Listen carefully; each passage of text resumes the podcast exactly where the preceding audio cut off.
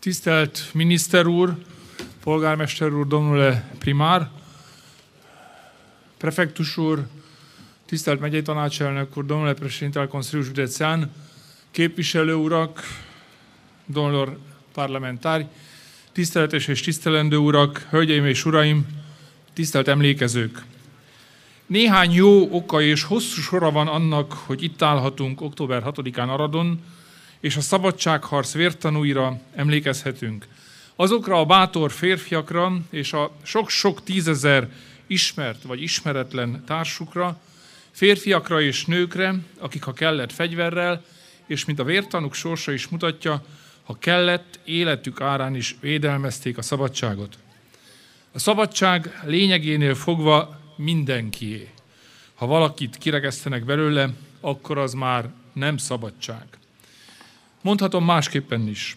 Ha a szabadság mindenkié, akkor az érte vívott küzdelem is az. A Magyarországon vagy a román fejedelemségekben, Galíciában és Lengyelországban 1848-ban kirobbant forradalmak mindegyike fontos fejezete volt a kelet-európai országok hosszú, több évszázados szabadság történetének. A tágabban vett térségben, amelyben élünk, Kelet-Európában, a szabadság 1989-ben nyerte el a mai, és a korábbiaknál talán tartósabb formáját. De kellett ehhez 1848 forradalmi éve, épp úgy, mint az 1953-as berlini felkelés, az 1956-os budapesti forradalom, a 68-as prágai tavasz, vagy az 1980-as szolidaritás mozgalom Lengyelországban. A szabadságban és az emberi méltóságban mindannyian osztozunk, és egymás szabadságharcaiból tanulunk. Nos, ha 1848-tól számítom, 141 évnek kellett eltelnie ahhoz, hogy Kelet-Európában a tartósnak tűnő szabadság felépülhessen végre. Ezért mondom azt, hogy hosszú sora van annak, hogy ma nyugodtan ünnepelhetünk, szabadon, szabadságban. A mi szabadságunknak ma van még egy korlátja, apropó osztrákok. Földhöz ragadt dolgokról is beszélünk, akkor, amikor emlékezünk, és itt van, mindannyian érezzük, Schengen. Nem teljes az itt élő emberek szabadsága, mert az osztrákok ma is tudnak akadályokat gördíteni elénk. Igazi, valós indok nélkül akadályozzák a szabadság kiteljesedését, itt Aradon, Erdélyben, Romániában. Megvétózzák azt, hogy szabadon közlekedhessünk, aki az innen pár kilométerre lévő határon egyetlen egyszer átutazott az elmúlt években, hosszú órákat állhatott sorba. Ennek meg kell változnia. Azt is tudjuk, sajnos azt is tapasztaltuk, leginkább itt Kelet-Európában, hogy az, ami ma nyugalomnak tűnik, nem lesz, nem lehet mindig teljes. Hiszen a szabadság nem sziklaszilárd építmény, bár annak tűnik, annak szeretnénk látni.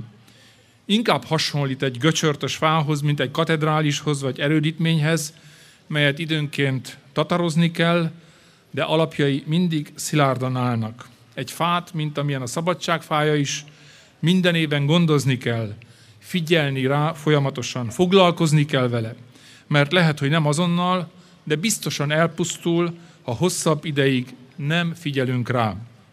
Két történetet szeretnék ma elmesélni itt, hogy mindez jobban érthető legyen. Éppen évszázada, 1923-ban az akkori hatalom úgy döntött, hogy bedeszkázza itt ezt a szobrot. Két évre rá, miután bedeszkázta, el is bontotta. Az elmúlt százesztendőben az Aradi Szabadságszobor 81 éven át rejtve volt a város polgárai előtt. Fogságban volt, elzárva. Ő volt az elrejtett szabadság.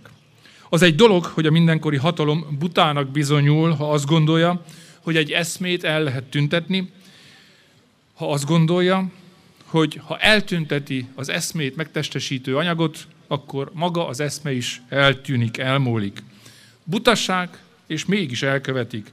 Újra és újra elkövetik ezt a hibát. Mert ha nincs kő, amiben a szobrot faragták, attól még az eszme megmarad.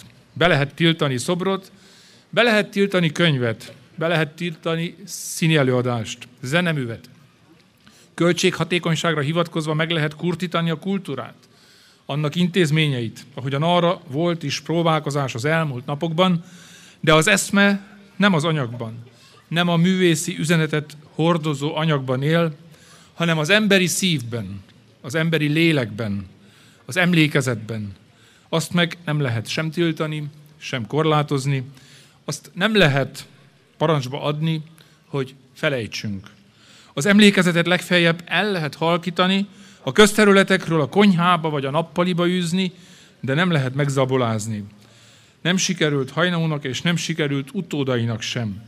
Az Aradi Szabadságszobor itt volt a város emlékezetében, és itt is maradt, hosszú évtizedeken keresztül. Az emlékezet megtartotta, a közösség hite meg visszaállította. Kisebbségben élve, hölgyeim és uraim, tisztelt emlékezők, ehhez kellett a többség támogatása is. Mert ha nem említettem volna még, szabadság nincs tisztelet, és nincs bizalom nélkül. Bizalom és tisztelet. A tisztelet azt jelenti, hogy akkor is elfogadom, amit a másik csinál, ha nem lelkesedem tőlem, mert tudom, hogy neki az fontos. A bizalom pedig legalább annyit jelent, hogy kölcsönösen nem gondoljuk egymásról, hogy a másik rosszat akarna nekünk. És ez már egy jó kiinduló pont. A szabadságról mindig emelkedetten beszélünk, pedig ilyen egyszerű dolgok ezek. Hiszen ha belegondolunk, a szabadság maga is egyszerű állapot kellene, hogy legyen. Csak éppen a kivívása és a megtartása nem az. És ehhez kapcsolódik a másik történet, amit szeretnék megosztani önökkel. Ez sokkal rövidebb, mint a 48-as forradalom emlékezete, vagy az Aradi Szabadság szobor története. Alig négy esztendős. De ismét csak visszatérünk a mindennapokhoz. Nem tehetünk másképpen.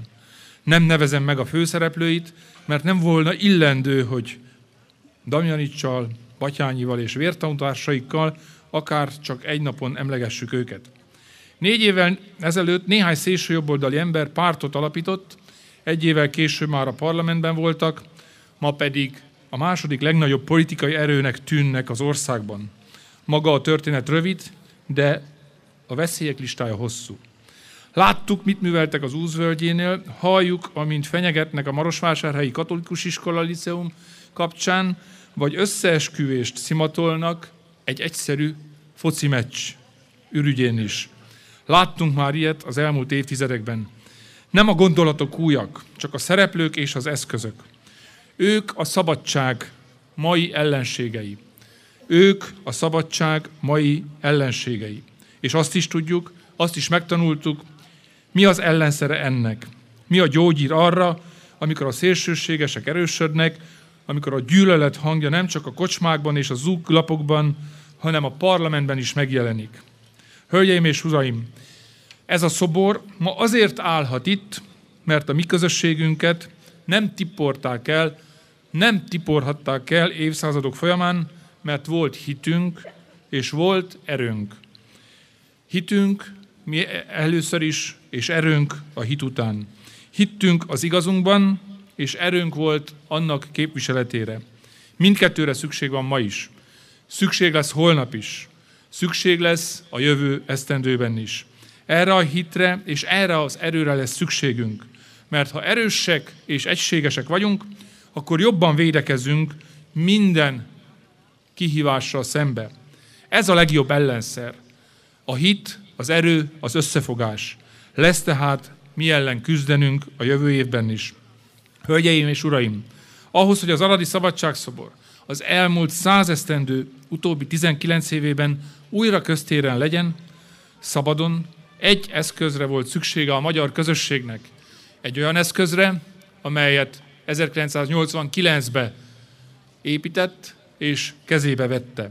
Ez az eszköz a Romániai Magyar Demokrata Szövetség. Mi egy eszköz vagyunk, mi nem a cél vagyunk. A kettőt sosem szabad összetéveszteni. Az eszköz vagyunk, amelyet ezelőtt több mint 33 évvel ezelőtt a romániai magyarok megalkottak, és azóta is használnak.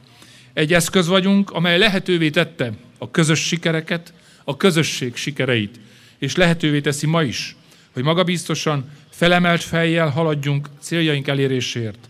Közösségi jogaink megszilárdításáért, egy olyan szülőföld építéséért, ahol erős és magyar közösségként élhetünk. Közösségként ismétlem, nem szétszórt egyénekként. Sok minden változott az évtizedek során, akár az elmúlt időszakban is. Mégis van valami, ami nem változott, valami nem változik. Először is nem változott meg a testtartásunk, és ez a legfontosabb. Akár a kormányban vagyunk, akár ellenzékben, a Romániai Magyar Demokrata Szövetség, a szövetségben politizáló embereknek és az erdélyi magyar embereknek a testtartása nem változott meg. És nem változott meg az elkötelezettségünk a magyar ügy iránt, a magyar közösség iránt.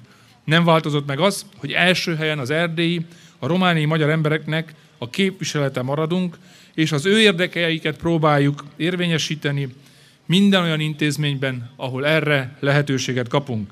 Tehát sem a testtartásunk, sem a céljaink nem változtak. Ahogyan nem változtak példaképeink sem.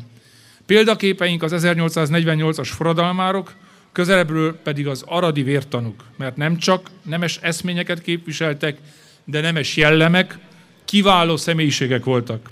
És amikor a jövő év nagy kihívásaira készülünk, tetteikből mindannyian ihletet és erőt merítünk. Köszönöm szépen, hogy meghallgattak, méltóságteljes ünneplést, éljen a szabadság!